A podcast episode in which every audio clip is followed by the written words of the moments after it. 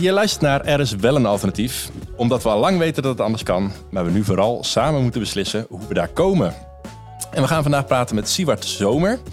Hij is directeur van Energie Samen, de koepel van alle energiecorporaties in Nederland. Of tenminste bijna allemaal.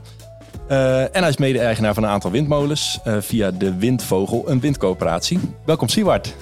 Dankjewel voor de uitnodiging. Ja. Even om uh, eerst eens te horen wat een energiecoöperatie precies is. Want ik zei dat vanochtend tegen mijn vriendin. Ik ga vandaag praten met iemand van de windcoöperatie. Ik dacht zelf, dat is gewoon duidelijk wat dat is. En zij zei gelijk, oeh, ingewikkeld. Oh, ja. Dus aan jou de vraag, als jij aan een groep 8 zou moeten uitleggen wat je doet. Het is niet niks meer, niks minder dan een groep uh, bewoners die een eigen windmolen en een paar zonneparken of een eigen warmtenet bouwen. En daar uh, de energie van krijgen. Check, dat is, uh, dat is vrij duidelijk. Ja. Betekent dat dan ook dat energiecoöperaties overal hetzelfde werken? Um, vrijwel wel.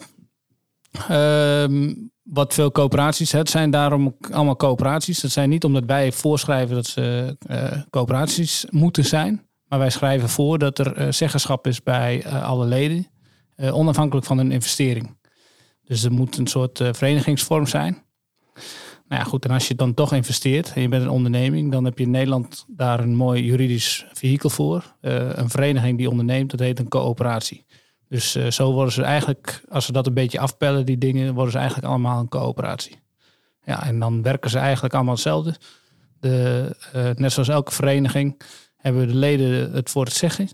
Daar is een algemene ledenvergadering, die is de baas. Die kiezen vanuit hunzelf een vertegenwoordiging, dat is het bestuur. Soms zijn, uh, zitten daar nog uh, werknemers onder, hè, met een uh, directeur, zoals bij Energie Sami, um, die, die de uitvoering doen. De leden investeren zelf in de coöperatie. Um, daarmee bouwen ze dingen die winst opleveren. En met die winst bepalen ze in de algemene ledenvergadering weer wat ze met het geld doen. Een gedeelte gaat terug naar degene die geïnvesteerd heeft. Um, met een maatschappelijk rendement, nooit een hoog rendement. En de rest wordt uh, of teruggestopt in het bedrijf of teruggestopt in de maatschappij, in de maatschappelijke dingen. Oké, okay, en hoe, hoe, moet ik dat voor me zien? De, ik zit nu te denken in bestuursvergadering. Je zit, dan, je zit dan met alle leden van de coöperatie één keer in de zoveel tijd bij elkaar en dan in een zaaltje ergens te praten over wat gaan we doen met de winst? Hoe, hoe, hoe, hoe gaat dat? Komt iedereen überhaupt opdagen op zo'n vergadering? Nee, helemaal niet. Als het heel goed gaat, komt er eigenlijk heel weinig. Um, dan is het gewoon gezellig. Uh, ik ben voorzitter geweest van de, de Windvogel. Er kwam denk ik zo'n 1% opdagen, zo'n 100 mensen van de 3000. Uh, um, en ja, dus, dus het gaat erom dat je die leden, als het slecht gaat, en de verkeerde kant op gaat of je buiten statuten opereert, dat er dan echt de macht is van die leden om daar bij te sturen. Maar hoe zien jullie um, dat dan? Want als je niet komt opdagen bij de vergadering, hoe hou je nou, je, je, je, je ziet de stukken, hè, je ziet wat er gebeurt, je hebt een nieuwsbrief. Um, en in zo'n algemene ledenvergadering is ook bij Energie Samen vaak een gezellig bijeenkomst. Waarom? Omdat wij uh, in de voorbereiding van al die vergaderingen heel veel in contact zijn met de leden. Hè. De, bij elke coöperatie zijn er werkgroepen van leden um, die dingen voorbereiden. Uh, zijn er strategiegroepen of zijn er uh, over specifieke uh, deelonderwerpen zijn er gebruikersraden, zoals wij dat hebben bij energiecoöperaties.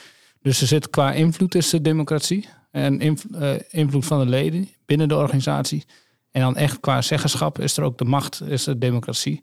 Maar die is dan, zijn de voorstellen vaak zo goed voorbereid dat dat echt vrij weinig discussie oplevert. Maar bijvoorbeeld bij Energie Samen hebben we uh, een pittige discussie gehad met de leden. Shell wilde ons geld geven voor energiearmoede. Um, dat hebben we twee keer besproken in de algemene ledenvergadering.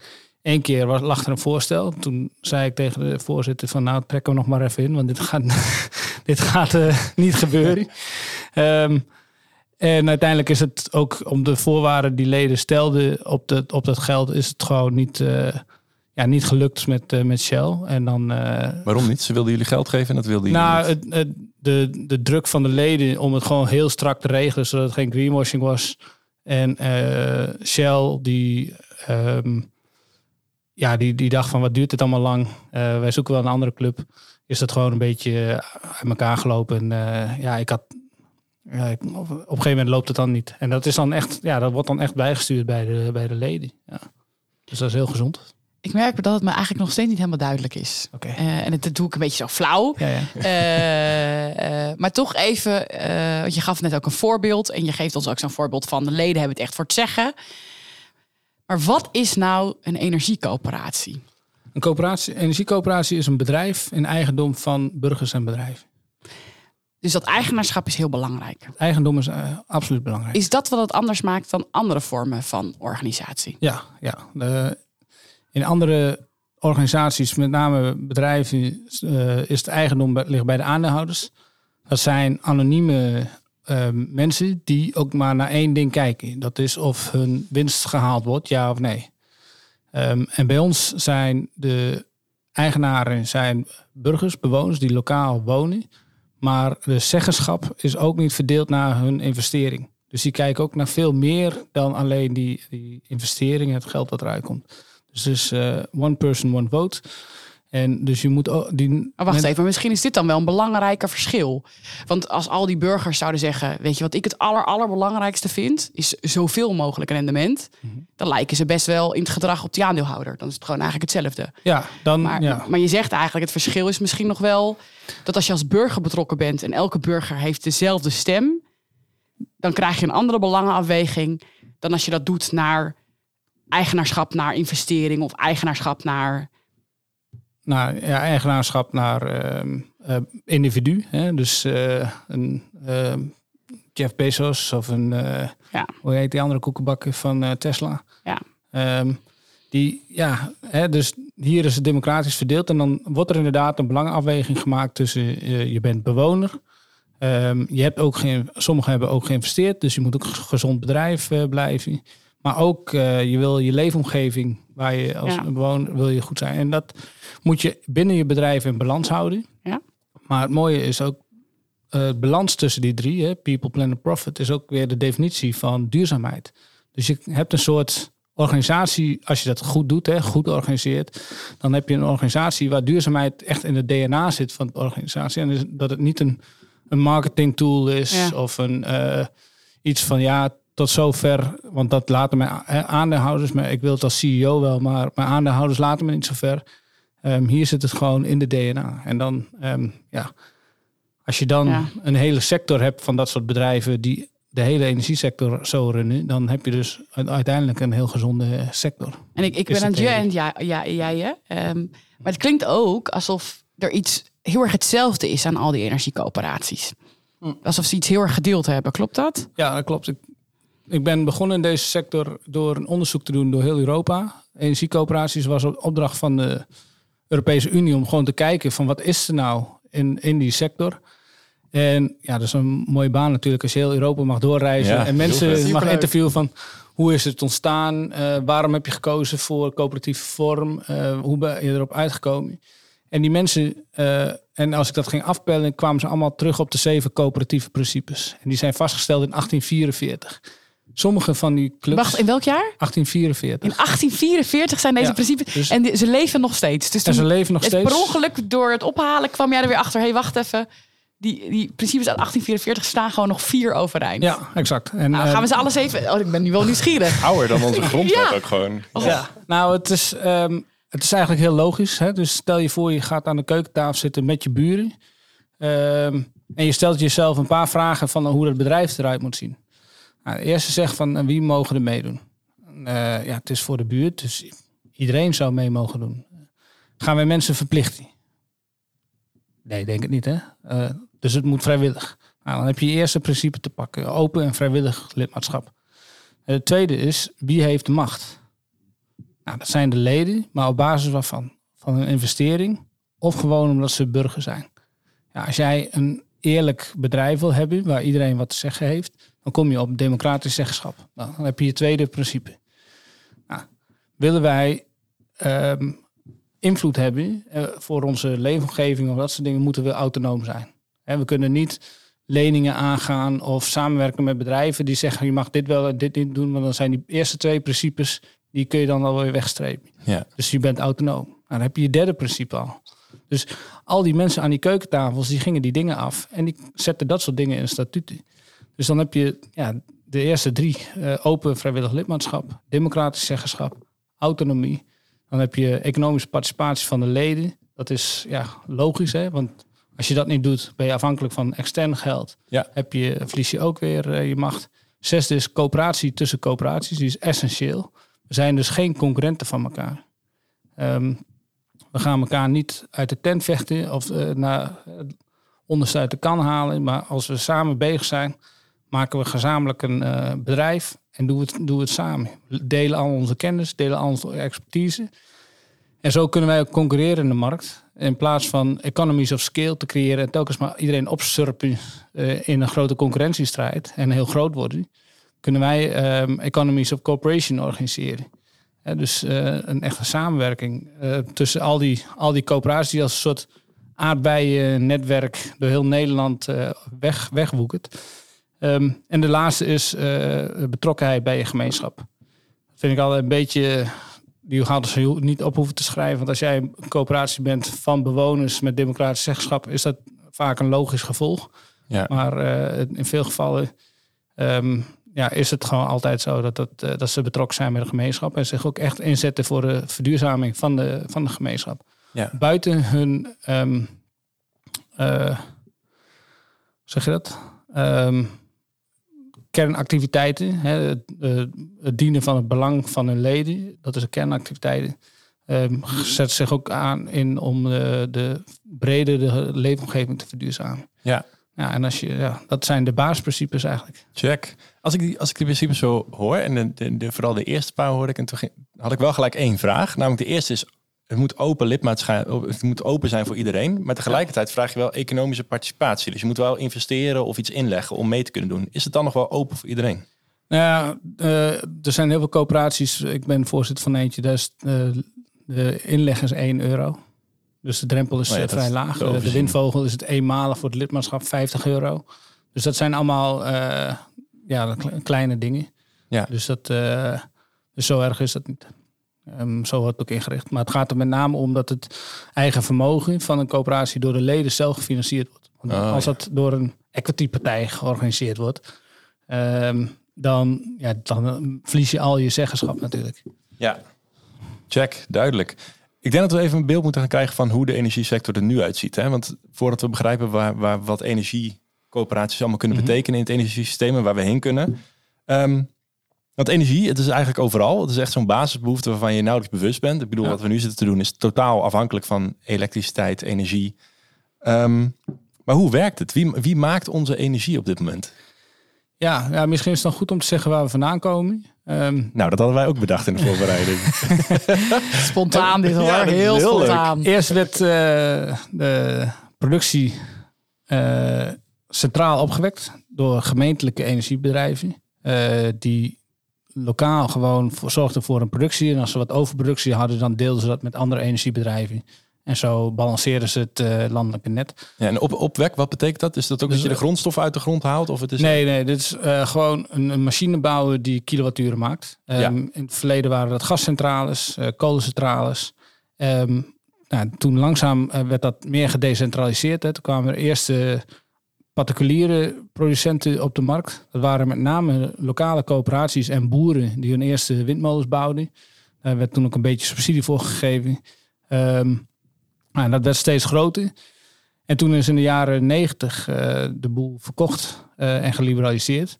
En nu wordt voor een groot gedeelte de productie, de, de centrale productie, door eh, private partijen. Ehm, nou, in Nederland noemen ze private partijen. In Zweden zijn het staatsbedrijven. Eh, ehm, RWE heb je dan nog, EDF. eh, met, met eh, Uniper heb je met een paar Vattenfall kolencentrales. is er ook eentje toch? Vattenfall Ja. is er een. Ehm, en daarnaast, door de, de decentralisering, zijn er heel, is er heel veel pro- productie door kleinere eh, organisaties opgezet, waaronder dus coöperaties, maar ook heel veel boeren.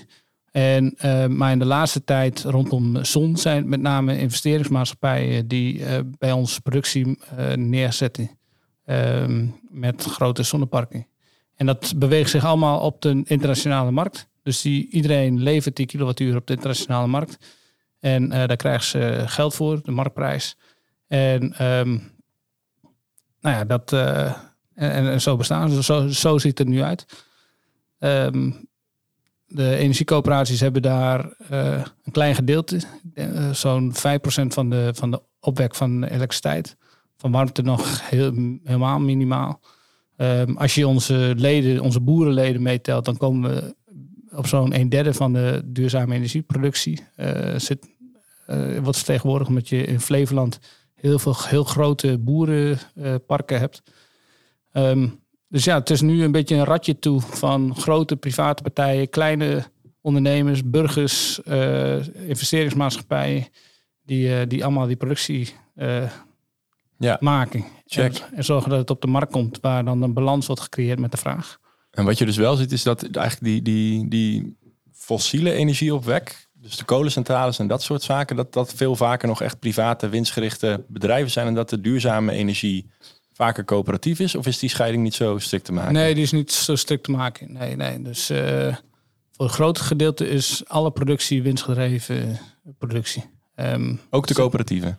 Nee, niet de coöperatieven. Okay. maar we hebben een klein aandeel. Ja. Uh, de coöperatieven die uh, hebben in principe qua ja, zijn ze wel winstgedreven voor productie, want met die winst gaan zij zelf weer dingen doen. Maar het is nu wel aan het veranderen, omdat het in de crisis heel ongemakkelijk werd. Uh, ja, als een coöperatie was je als coöperatie aan het produceren. Daar verdien je heel veel geld mee. Um, maar je leden aan de, als consument moesten heel erg betalen. En dat is bij, daar heeft bij ons voor een kentering gezorgd en gezegd van dit moeten we echt anders doen. Um, bij, bestaan, bij, bij, ons bedoel je dan de winstvogel bij, of echt nee, alle... alle energiecoöperaties. Ja, ja. um, want wij bestaan niet om winst te maken. Um, en het is dus raar dat onze leden uh, heel veel betalen aan de meter, terwijl wij aan de productiekant heel veel verdienen. Sommige... Ja, welk woord zei nou? Je zei de meente? Bij de meter. Oh, de meter. Okay. Ja, ja, ja, dus uh, als consument, uh, als consument betalen ze een vrij hoog bedrag. En dat kwam bij de coöperatie weer binnen bij de productie. En daarvan hebben we gezegd, laten we uh, dat aan elkaar knopen. Zodat je eigenlijk niet meer betaalt dan dat die molen gekost heeft. Wat heel logisch is. Ja. Um, nou, dat is in warmte is dat heel logisch, want dan kun je een systeem neerbouwen, neerleggen met pijpen. En je weet wat het gekost heeft. En je tarief is de afschrijving van die pijpen de komende jaren, nog, plus nog wat exploitatiekosten. Maar met elektriciteit is het wat lastiger, want dan moet je gelijktijdigheid uh, organiseren. Je kan alleen een kilowattuur van jezelf kopen tegen kostprijs als je hem ook direct gebruikt. En dat zijn we dan nu aan het inregelen. En dat is eigenlijk waar wij nu naar streven. Dat we een energiemarkt krijgen waar geen winst gemaakt wordt. En waar je op het gebied van warmte, maar ook op het gebied van levering van elektriciteit, um, niet meer betaalt dan dat het gekost heeft. Ja. En dan moet je wel ruim nemen, hè, want uh, ik hoor nu allemaal economen zeggen, als je geen winst maakt, ga je failliet en bla bla bla. Hè, er zitten reserves in, er zitten kapitaalslasten in, er zit geld voor, de omgeving zit daarin. Maar zelfs die prijs voor de productie is, uh, is voldoende om daar een mooie stabiele prijs van te maken. Ik dacht, jij zit nu echt te springen met een vraag, Senna. Over, nee, ik, ben, ik ben heel erg uh, goed aan het luisteren. Ah, oké. Ik, zag, ik zag je zo malen. Ik denk, nou, die zit ergens op te vroeden. Want uh, we hebben het over de huidige energiemarkt zoals, zoals die nu is. Um, wat is dan op, nu op dit moment het grootste probleem volgens jou met die energiemarkt? Is het inderdaad dat winst maken of zit het, zit het hem ergens anders? Want Stel je denkt nou over de energiemarkt van de toekomst of de energiesector van de toekomst. Is dan dat winst maken het probleem? Of? Nou ja, de, winst maken is op zich geen probleem. Maar het gaat erom wat je, wat je doet met die winst. Kun je, verreken je die in de tarieven of geef je die aan je aandeelhouders? En om te kunnen besluiten wat je doet met die winst, moet je eigendom hebben. En dus zeggenschap.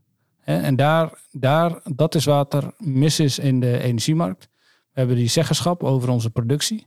Uh, gewoon ouderwets zeggenschap over de middelen van de productie. Ja, ja, klinkt uh, bekend. dat kennen we allemaal. Hebben we afgegeven aan private partijen die, ge, uh, die, waar de zeggenschap bij de aandeelhouders ligt. Als er dan heel veel winst wordt gemaakt en die gaat dan naar die aandeelhouders, moet je als Nederland niet raar opkijken dat het gebeurt. dus het is een heel, dat is een logisch gevolg van het eigendom van, um, van de productiemiddelen de, dat geldt voor wind en zon, maar het geldt ook voor woningen. Het geldt ook voor zorg. Dus als jij als Nederland niet nadenkt over wie heeft de zeggenschap, eigendom over de productiemiddelen van mijn baasbehoeften, dan moet je niet gaan klagen dat het eh, iemand anders met de winst gaat lopen en dat het allemaal zo duur wordt. Je vertelde net hoe dat in het verleden was. Uh, het is dus geen automatisme ook dat we hier zitten. Dus het, je gaf het voorbeeld van, Nee. eh, van een aantal andere landen. Eh, die hebben daar een andere keuze in gemaakt. Nee, ja, het is geen natuurwet. Dus in Denemarken hebben ze rondom de warmte hebben ze gewoon besloten dat je geen winst mag maken. Daar schrijven ze niet voor dat, een, dat het een coöperatie moet zijn of eh, democratisch moet zijn. Ze schrijven daar twee dingen voor. Het moet, je mag geen winst maken en het moet volledig transparant zijn. Het gevolg is dat iedereen gekozen heeft voor de coöperatieve vorm. Omdat ja, daar zijn geen winst, Ja, eh, winstgejaagde partijen die daar in die markt opereren. Ehm, dus je kan gewoon politieke keuzes maken om een eh, andere richting in te gaan. En eh, je, je basisbehoeftes anders te organiseren. Ja. Dan heb ik toch, dan toch een, wel een vraag. Want een van de dingen die le- lees je in heel veel eh, stukjes terug. En ook als je denkt de beleidsstukken van de jaren negentig erbij pakt. daar staat dan in, ehm, even los van wat ik daarvan vind. Joh, als je het zo liberaliseert en je laat het aan de markt over. Dan krijg je heel veel meer innovatie. Dan is het zoveel meer efficiënter. Ja, er wordt dan enorme winst gemaakt. Maar je, je gaat het allemaal zoveel handiger doen. Dat, je, dat de uitkomst veel beter is. En dan kan je die winsten nog afpakken ook. Eh, eh, eh, dat is de gedachte die daar da- da- dan geschikt wordt. Ja. Dus het is uiteindelijk beter voor iedereen als we het zo ordenen. ja.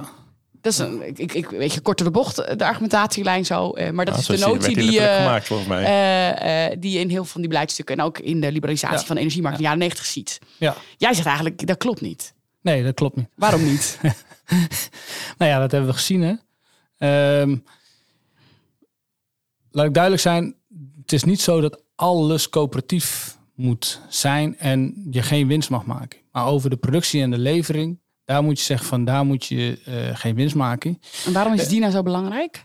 Omdat je dan vervolgens een hele innovatieve markt krijgt om ervoor te zorgen om dat je die kostprijs naar beneden krijgt. En dan zijn allemaal bedrijven, dus die coöperaties, die bedrijven, een dienstverlening gaan zeggen, zeggen ja, jullie doen dit zo, maar dit is echt heel onhandig. Als je mij inhuurt, kan ik dat een stuk goedkoper voor jou doen. Kost jou eh, zoveel, zoveel geld, maar je bespaart er zoveel mee. En dan kun je voor je leden eh, dingen naar beneden brengen. Hè, Dus even om dit expliciet te maken, dat is dan bijvoorbeeld het bedrijf dat de windmolen bouwt of zo. Ja, en de wind, Ja. Hè? dus een bedrijf die de windmolen bouwt, zegt nou, jullie hebben vorig jaar die gebouwd, maar voor 8 cent. Maar als je mijne koopt, kun je hem voor 6 cent. Want wij hebben geïnnoveerd. Ehm, jullie hebben een energiesysteem, maar jullie zijn, het is helemaal niet optimaal wat jullie doen. Ik heb een platform voor jullie gebouwd waarmee jullie platform kunnen optimaliseren. Dus daar ontstaat een enorme interessante innovatiemarkt die geen zeggenschap heeft over de productiemiddelen en de, en de macht heeft rondom die energiesysteem. Die jongens moeten gewoon werken voor geld hè, om, eh, om opdrachten te krijgen. Ehm, en wat je hier dus hebt gedaan, is eh, je hebt de zeggenschap en eigendom over de productiemiddelen gegeven, waardoor die bedrijven een soort van kunnen rentenieren. Ehm, je hebt met wind en zon heb je, daar zit geen ehm, zero marginal cost. Ze staan er eenmaal en dan kunnen ze produceren. De staat geeft ook nog eens een keer garantie dat als je die investering gedaan, gedaan hebt, eh, dat je die investering terugkrijgt met een rendement. Als de prijzen omhoog gaan eh, boven een bepaald bedrag, hoeven ze dat niet eh, terug te geven.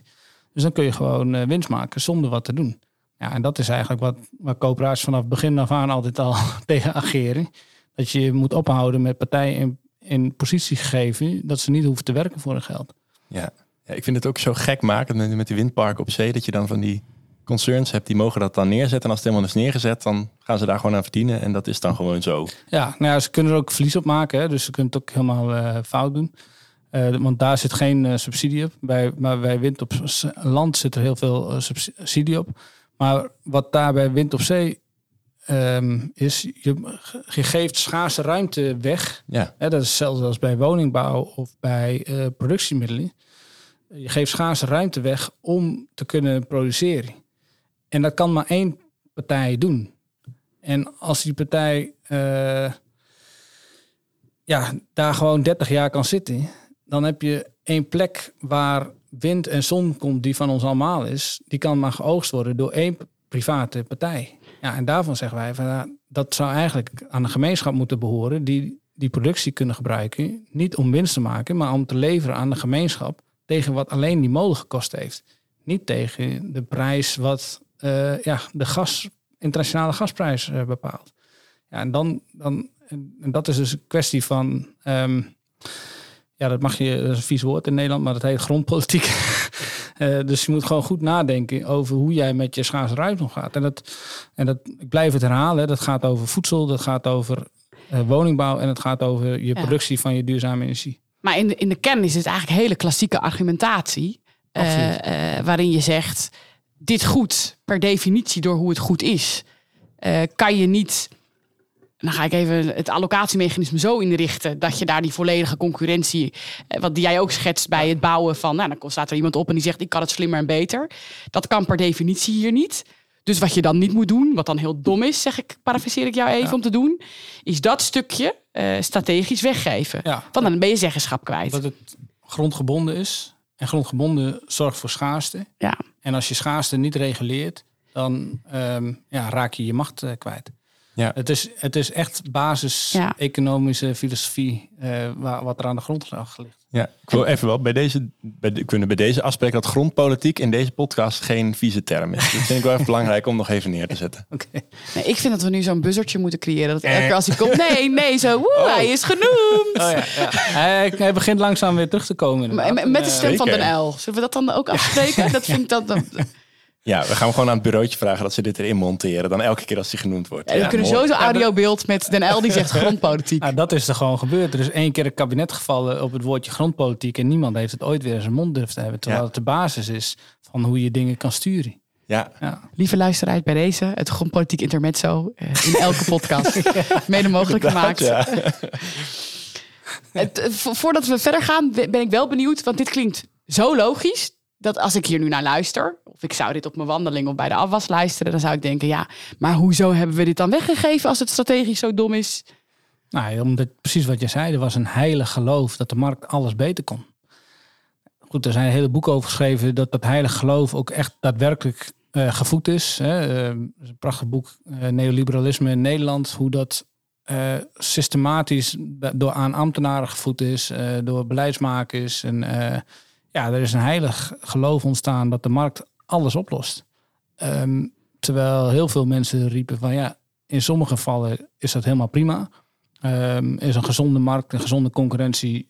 Als die er is en die vrije markt dat en kan zijn, eh, krijg je een heel goed equilibrium tussen eh, innovatie, prijs, vraag. Maar in deze gevallen is dat gewoon niet zo. En dat, dat heb, heb je dus, ehm, dat had je op deze vlakken over na moeten denken. En gewoon ook even de theorie op na moeten slaan dat dat, eh, dat, dat fout zou gaan. Ja, en even eh, tot slot voor dit stuk.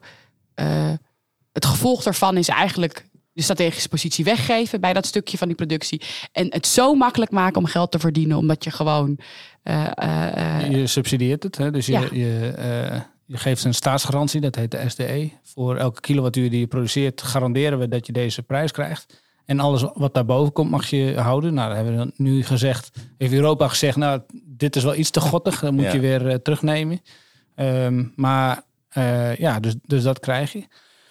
Eh, ja, Zullen we nog eens wat dieper inzoomen op, die, op het ideale alternatief? Want jij, jij schetst dus van dat het zou dus grotendeels coöperatief kunnen. Het hoeft niet helemaal coöperatief.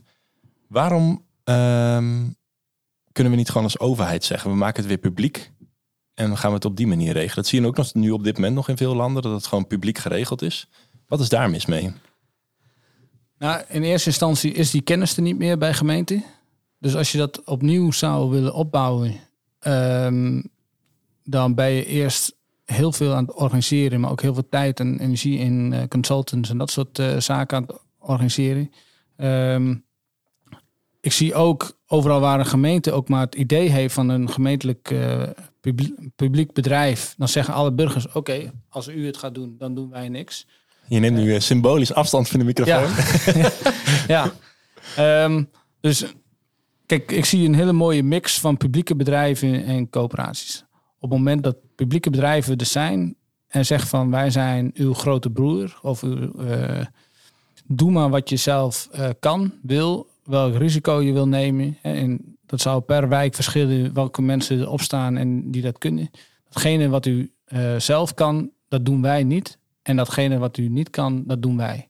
Dan heb je dus elk ehm, Als je die afspraken weet te maken met je eigen burger, dan heb je dus op lokaal niveau de vrijheid om het, om het zelf te doen. Mijn eigen overtuiging is wel dat de democratische vorm van de coöperatie met direct zeggenschap en directe controle van de leden, qua consumentenbescherming, uh, qua service die ze kunnen leveren, want als het niet goed is, bel je gewoon de voorzitter. Um, dat dat en die en directe organisatie dat dat beter is voor de consument en de burger dan uh, een publiek bedrijf waar je je klachten via een, een raads, raadsvergadering, bij een wethouder, bij een aandeelhouder in zo'n bedrijf moet weten te krijgen. Um, dus ja, dan, uh, dan ben ik groot voorstander van zo'n zo'n gemengde vorm waar de, de lokale burger in democratisch zeggenschap gewoon zijn eigen dingen goed kan reguleren en kan organiseren. Ja. En hoe ziet het er dan? Ik zit nog steeds even te malen van hoe ziet het er dan concreet uit? Dus stel, ik woon, ik woon, uh, ik woon in de Utrechtse week Zuilen Noord. Mm -hmm. Ik kan me voorstellen dat echt de overgrote meerderheid van de mensen daar niet uit zichzelf lid gaat worden van een coöperatie. Nee. Stel, we gaan naar het systeem wat jij voor je ziet. Wat wordt die mensen voorgelegd? Krijgen ze een aanbod van nee, je wordt lid van een coöperatie of wij fixen gewoon het voor je en dan heb je gewoon een lekker tarief en hoef je je nergens mee bezig te houden. Hoe ziet het, dit ja, er concreet uit? Dat wordt opgebouwd. Dus jij bent enthousiast naar dit verhaal. Je gaat met een paar buren uit je wijk ga jij uh, een coöperatie oprichten. Vier, vijf mensen. Uh, gewoon, dat zijn de allereerste leden. Daarmee hou je een keer een buurtbijeenkomst en je vertelt het verhaal en dan zijn nog eens keer 30 mensen enthousiast. Die worden gewoon lid. Uh, worden tientjes lid. Um, en daarmee gaan jullie met z'n vijven gewoon door plannen maken. En die blijf je presenteren aan de buurt. De buurt geeft daar commentaar op. Wordt daar, het plan wordt steeds beter. Dan komen een paar mensen, het wordt nu wel serieus. Ik ga in een werkgroep zitten. Um, en, zo, en zo groeit dat langzaam in de organisatie. En dan kom je denk ik op zo'n 10, 20 procent van de bewoners in de wijk die gewoon lid zijn. Actief betrokken zijn, snappen wat jullie gedaan hebben. En dan ga je een aanbod geven aan de wijk die ook elke andere um, particulier bedrijf ook zou geven. Alleen met de belofte dat er geen winst gemaakt wordt. En dat als ze willen, ze naar een ledenvergadering kunnen komen om te klagen als het niet goed is. Maar uh, goede 60% zou zeggen van nou prima. Uh, het is goedkoper, dus ik, uh, ik neem het. Um, en die hebben daarna niks meer te, van doen. Um, die zullen denk ik in de toekomst ook helemaal niet het verschil zien tussen een commercieel bedrijf of een coöperatief bedrijf. Um, die, die zijn gewoon klant. En dat is niks mis mee. Je kan, je kan mensen niet verwachten dat ze van al hun basisbehoeftes. Hè, ik ben ook niet actief in mijn zorgverzekeraar. Uh, Wat een coöperatieve zorgverzekeraar is. Maar ik ben nog nooit op een ledenvergadering geweest. Ik, ben, ik gebruik hem gewoon als klant. Maar ik weet wel, ik zit erbij, dat daar toezicht is van de leden op hoe dat bedrijf functioneert. Ja. Heb je nog vragen over, Senna? Nou, ik, omdat het me toch niet helemaal duidelijk is wat nou de. Want uh, de vraag van, van Hans, het antwoord was: als je zelf betrokken bent, dan gebeurt er iets wat beter is dan als je dat niet bent. Ja. Ook versus als de overheid het organiseert. En dat, soort, dat zorgt voor een soort actievere participatie en daardoor ook betere uitkomsten. En betere plannen. Toch? Ja. Betere plannen. Ja. Die je met geen enkel andere organisatievorm ik overdrijf misschien, maar die je vooral met deze organisatievorm krijgt. Ja, deze organisatievorm dwingt je om uh, dat gesprek aan te gaan met je leden. En dwingt je ook om die feedback uh, te gebruiken. Hoeveel van uh, stedelijke ontwikkeling, maar ook warmteplannen zijn we niet gewoon de brievenbus of zijn we gewoon in de prullenbak gegaan. Omdat er wel geïnformeerd werd en er kwamen wel suggesties, maar er werd niks mee gedaan. Nou, dan krijg je langzaam opstand. Hè. Dat zie je soms ook bij uh, windprojecten waar burgers niet bij betrokken waren. Um, ja, dan krijg je mensen, ja, dit is niet van ons. Het komt van buiten. Um, ik ga me er tegen verzetten. Dus dan was jij misschien net zo'n actieve bewoner geweest. Maar niet voor het plan, maar tegen het plan. Ja. Uh, en als ik een soort rode draad in ons gesprek pak, dan, dan zeg je: Mijn ideale wereld is dat. Dit is zo'n belangrijke sector, dit is zo'n belangrijke voorziening. Daar wil je niet afhankelijk van zijn dat moet, het eigenaarschap moet in publieke handen zijn. Mm -hmm. In de handen van het publiek. In de handen van het publiek. In ja. de handen van het publiek. En dan heb je verschillende vormen. En jij leek net ook een beetje te zeggen. Uh, ik, van niet iedereen en alles hoeft in die coöperatieve vorm. Maar de wereld is beter als die bestaat naast een andere vorm. Zeker. Nee, kijk, we gaan niet naar een coöperatieve heilstaat of wat dan ook. Ehm, en dat is ook altijd heel gevaarlijk als je dat, dat zegt. Eh, er moet een vrijheid van handelen blijven, een vrijheid van keuze blijven. Ehm, de overheid kan zeggen van dit is een ideaalbeeld. Wij gaan er alles aan doen om ze te ondersteunen. Waaronder bijvoorbeeld uh, grondpolitiek. Maar ehm, je kan niet de rest verbieden. Of althans, dat moet je niet doen, want dan kom je in een heel ongezonde uh, maatschappij. Um, het moet, ja, hoe zeg je dat? Zonder strijd eigenlijk, hè, zonder conflict ontstaan in een vrije markt van partijen die met elkaar concurreren op een gelijk speelveld. En dan kun je, dan moet je wel goed begrijpen dat een gelijk speelveld niet um, een internationale um, grote partij tegen een klein bedrijf is. En dan iedereen is het gelijk. Dan kun je als overheid zeggen, maar we maken speelgeld gelijk door die kleine partij te ondersteunen. Um, gelijke toegang tot de markt heet dat dan. En dan moet je gewoon ook als coöperatie een beter product neerleggen dan dat er is in de markt. En die concurrentie van die markt, die is essentieel om uh, ook als coöperaties uh, gezond te blijven, innovatief te blijven en uh, je te kunnen meten met dus de waarde van jouw product te kunnen meten met andere partijen. Als je dat weghaalt, dan, dan word je een socialist of een communist. En dan, ja, dan ga je net weer het verkeerde padje op.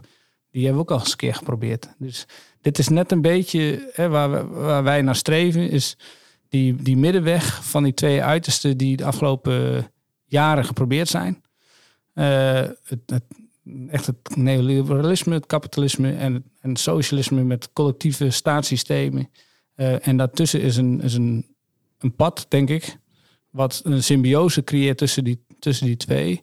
En die twee ook in elkaar in balans houdt. Ja. En dan is, heb je denk ik een gezonde basisfilosofie om, om een goede economie op te bouwen. Maar er zit eh, ook wel een kern in waarin je zegt dat de overheid dan heel scherp heeft wat het, wat het doel is van het, van het product dat geleverd wordt.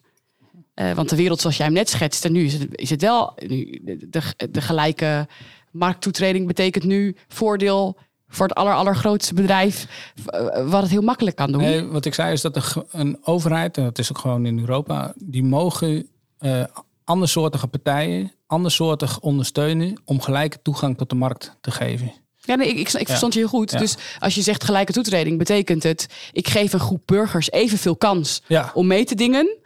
En dus bijvoorbeeld iets meer tijd te hebben om hun plan klaar te hebben, om mee te doen, om te kunnen concurreren. Want de situatie nu is dat je eigenlijk een ongelijke positie hebt. Namelijk een grote partij die binnenkomt, die alles al klaar heeft en die een heel groot uh, massavoordeel heeft, die wint de strijd altijd. Ja, die, uh, als wij geen ondersteuning gehad hadden in de afgelopen jaren van de Nederlandse overheid, dan uh, was, waren we niet waar we nu waren. Nee.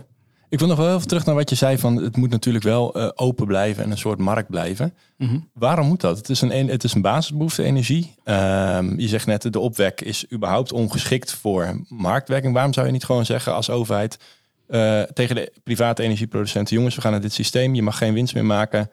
Um, en je hebt zoveel jaar, je, natuurlijk eigendomsrecht Europees, dus we gaan je uitkopen als je, daar, ja. als je daar echt een probleem van gaat maken. Maar het is nu klaar, het wordt gewoon geen markt meer. Het wordt of coöperatief of publiek. Ja, dus dat was is wat er nu gebeurt in de warmtemarkt.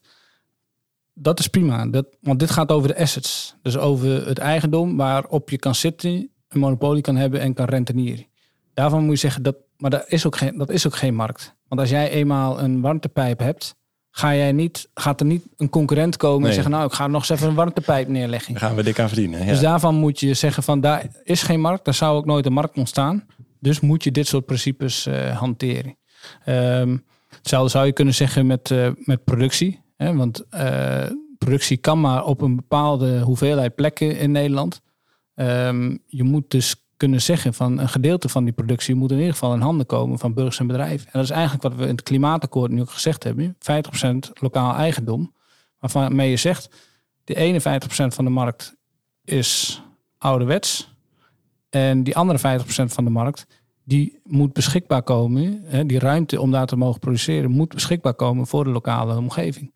Dus ja, dat, daarvan moet je dat ook zeggen, maar dat is geen markt. Um, alles daaromheen, alle diensten die geleverd worden, eh, leveringsplatforms, eh, communicatiemiddelen, eh, adviezen aan consultants, adviezen aan gemeenten, adviezen aan energiecoöperaties. bedenk het maar. Dat moet gewoon een hele gezonde concurrerende markt zijn. Dus als ik, dan komen we terug naar het gesprek dat we net hadden. Die, die hele belangrijke strategische plekken, daar wil je het zeggenschap hebben en, een- en een goede verdeling. Maar als er iemand opstaat die zegt, ik heb echt de aller, allerbeste ideeën of eh, productieketen voor eh, en een nieuwe techniek voor dat, dat, dat, dat zonnepaneel. Wat was het net het voorbeeld? de, de, ja. Waardoor jij je kostprijs aan Eh, voor je leden kan verlagen. Dan zeg je, dan is dat altijd, da- da- dan is dat altijd welkom. Nou, ja, dat is, dat is wat je wil hebben. Hè? Als, eh, we gaan echt niet alles zelf doen. We gaan geen eh, windmolenfabriek bouwen als coöperaties. We gaan niet allemaal IT-platforms eh, bouwen. Hè? Dus daar moet, daar moet de markt voor ontstaan. En die moet je ja, stimuleren met innovatie, dat soort zaken. En, dat, en dat is, daar is helemaal niks op tegen. Maar van, ja, van de forces of production en de productiemiddelen, die moet je democratiseren. Zo, zo simpel is het. Ik zie het op zich, eh, als ik dit zo hoor, dat je als windmolen, als je als windcoöperatie op een gegeven moment zegt, we gaan onze eigen coöperatieve windmolenfabriek oprichten. Ik word er best wel warm van als ik dat hoor. Ja, maar ik zou het ze altijd afraden, omdat de concurrentie tussen partijen eh, die innovatie doorvoeren om nog een goedkoper product te leveren, eh, dat, dat, een, dat is een, in principe een gezonde situatie. Ja, precies. Ehm, dus je gaat ook helemaal kapot als je dat probeert. Maar ja, Ja, je- nee, je- tenzij je daar een heel goed idee over hebt. En dat je, ik kan mee concurreren. Ja, ik denk dat ik dat heel goed kan. En dan Ten- doe je mee, toch? Tenzij die markt, hè, eh, hè, alle, partij, alle windmolenproducenten worden opgekocht en je bent afhankelijk van één partij, hè, ehm, dan zou je kunnen zeggen van ja, die afhankelijkheid willen we niet meer. We gaan zelf een eh, fabriek eh, bouwen die coöperatief is. Ja. Ja. Maar dat is eh, door, daar beschermt Europa ook voor, dat die monopolies niet meer eh, ontstaan. Dat ze dat wel toelaten o- op de IT met Google en dat soort dingen. Een ander verhaal. Dat is een ander verhaal. hè? Maar Ja. ehm, ja, Hey, be- belangrijk, belangrijk punt. Want ik heb ik wel eens vaker met mensen ook uit de sector dan gepraat over, over, die, ehm, over dat je eigenlijk dat, dat eigenaar, eigen, eigendoms, eh, dat je die verhouding wil veranderen in de energiesector. En een argument dat je heel vaak terugkrijgt is dan, joh, we zitten met de klimaatcrisis. We hebben nog maar zoveel jaar. Ga nou alsjeblieft niet rommelen in de structuren, want dat vertraagt alleen maar die transitie. Dus de, als het ware de groene, de, de, de hardcore groene mensen staan dan tegenover de mensen die het, eh, die het eigenaarschap willen hervormen. Ja. Hoe zie jij die discussie? Ja. Nou, die mensen hebben blijkbaar nooit een windmolen gebouwd. Ehm, ik, heb die, ik heb het aan, het lijve, aan de lijve meegemaakt. Dat soort eh, keuzes en dat soort uitspraken. Ik ben bestuur geweest van Windpark eh, Drenthe. Maar ik zit ook nog in het bestuur van Windpark Zeewolde. En Windpark Drenthe was het adagio van... we hebben klimaatdoelstelling afgesproken, we moeten gaan. Eh, we moeten besluiten nemen en we gaan door. In Zeewolde, daar hadden ze al eens een keer ruzie gehad. eh, twintig jaar geleden. Daar zei de provincie, kan me niet schelen wat er gebeurt. Maar je regelt eerst maar dat iedereen meedoet. En dan pas mag je een vergunning aanvragen. In Drenthe was het na twee jaar ging het vergunningstraject in. Het heeft toen vijf jaar geduurd vanwege alle eh, ehm, ja, opstand en eh, juridische procedures en dingen om, eh, om die vergunning te krijgen. In Zeewolde heeft het vijf jaar geduurd om iedereen in de kruiwagen te krijgen. Maar de vergunning duurde maar twee jaar omdat iedereen, alle belangen waren al meegenomen in die omgeving. Eh, vrijwel alle bewoners uit dat gebied, het zijn agrariërs en boeren die ook de grond hebben, die, die hebben daarin geïnvesteerd. Ehm, en die gingen dus vrijwel mee. En dit is, ja, eh, Financial Close van die beide parken, die waren bijna in dezelfde maand.